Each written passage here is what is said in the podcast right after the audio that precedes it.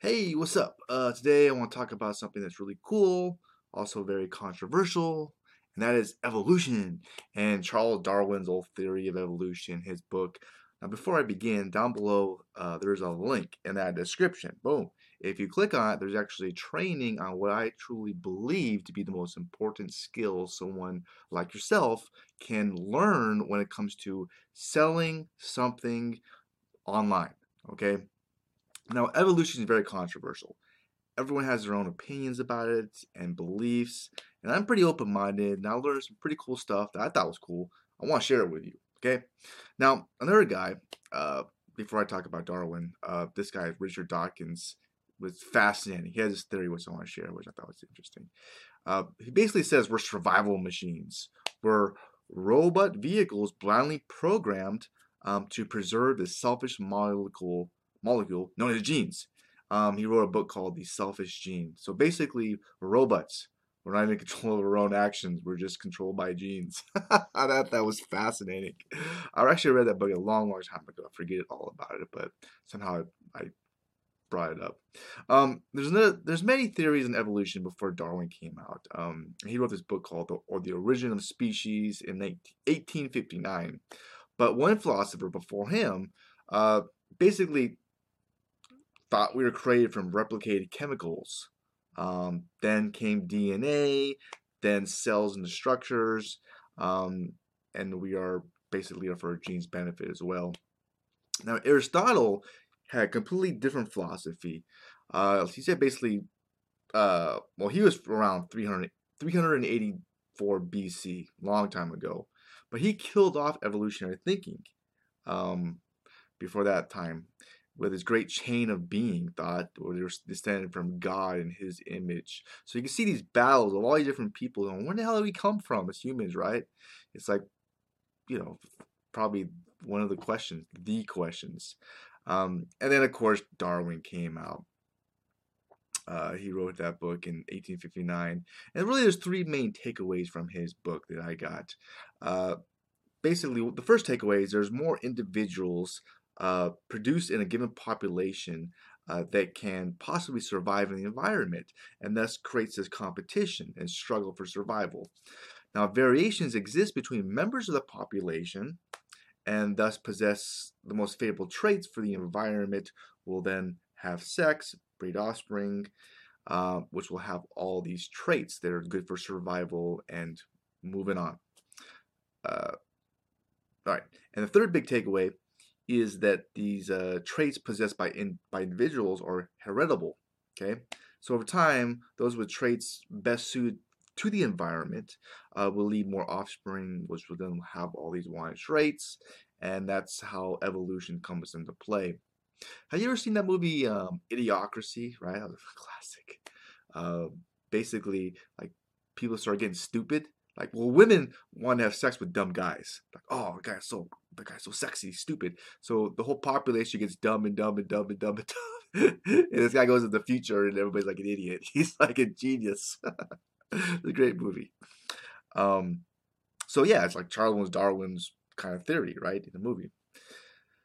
All right, so then you look at things like peacock's tail, right? Like, why the hell is a peacock uh, tail? Well, because the peacocks with fancy tails got laid, and so you know, uh, you know, his kids got bigger tails, and the, the bigger tails got laid, and it's, you go. That's why there's, there's there's no reason that peacocks got fancy tails you know? And i think there's like in the pickup community they're like they call it pe- peacocking.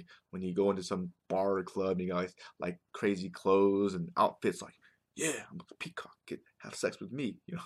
Uh, that's hilarious um it kind of reminds me of another book I read I read a long time ago called The Mating Mind, and basically in that book, like everything we do is so we can have sex in some way. There's no reason why we're so damn smart, you know, because you know, food and shit like that we don't need. So we're smart in you know everything we do. Like even this, so I can get laid, I guess, or maybe I'm just cold. I thought it was pretty interesting. Maybe some there's some truth to that. Uh, I don't know. I think so. You think so? Yeah. All right. Um, now comes some very more controversial stuff, and that's eugenics.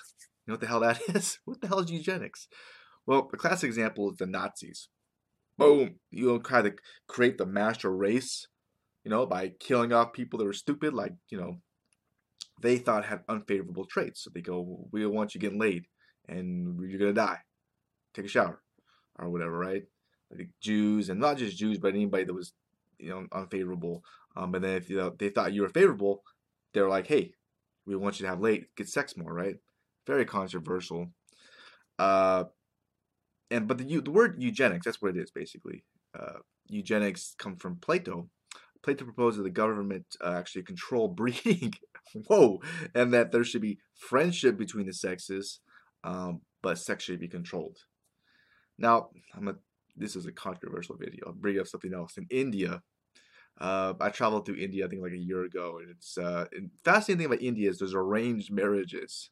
But the funny thing is they don't nobody gets divorced. So I don't know if it's completely like eugenics. it's like your your your your parents telling you who you can have sex with or whatever. Wow. That's all right. Well, who you who you get who you marry? Maybe married people don't have sex. So there you go. That's for some reason just popped in my head. All right. So um, yeah. So if you're fit, you, you want to. They, they encourage you to have sex. If you're if you're if you're stupid or not fit, then they don't want you to have sex. That's eugenics. Uh, now, the funny thing is, Charles Darwin's son, his name was Leonard Darwin, he actually proposed that people should be segregated based on all this crap. Um, in the United States alone, believe it or not, this actually happened. Uh, by 1960, before the 1960s, 60,000 people had undergone involuntary sterilization due to this thinking. So it was like, we think you're stupid and weak. So you know something, you're just not gonna have any kids, man. oh jeez, no, no kids. yeah, that's crazy. Of course, the largest was Nazi Germany. Um, but believe it or not, eugenic societies are still around in the world today, which sets up a lot of stuff for Hollywood and movies and crap. But now comes more controversial stuff. Oh, but wait, there's more. well, it's infomercials. Um, the thing is with technology, we can actually there's genetic engineering, right?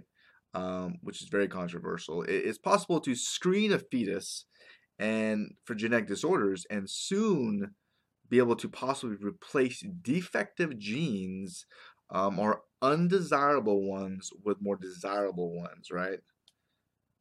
Almost like uh, playing God. Now that is a controversial topic. Bam, what are your thinks on that? What are your th- what are your thoughts on that? I mean, you just I just put that post up in a Facebook post, and I, am sure I get all kinds of engagement and high edge rank.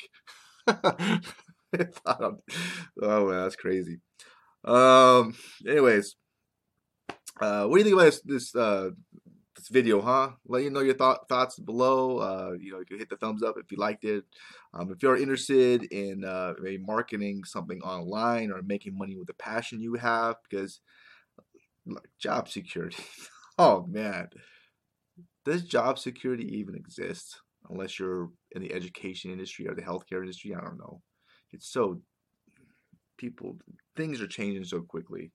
I mean, if the wind's changing, you can get fired. So, you know, making money on the side using the internet is a good good thing. And if you if you're gonna do that, then you know I highly encourage you click that link below because there's really skills that come into play that can just shorten your time, the learning curve. You know, don't waste time and money. Uh, well, time is money, but time and energy if you're not going to make money using the internet. Okay, it sucks. Trust me. Don't Wish I would have learned stuff earlier. Okay, but uh, if you're interested, just click that link below. Um, I'm sure you'll like it, and um, hey, I wish you the best. Have a great rest of your day, and uh, bye for now.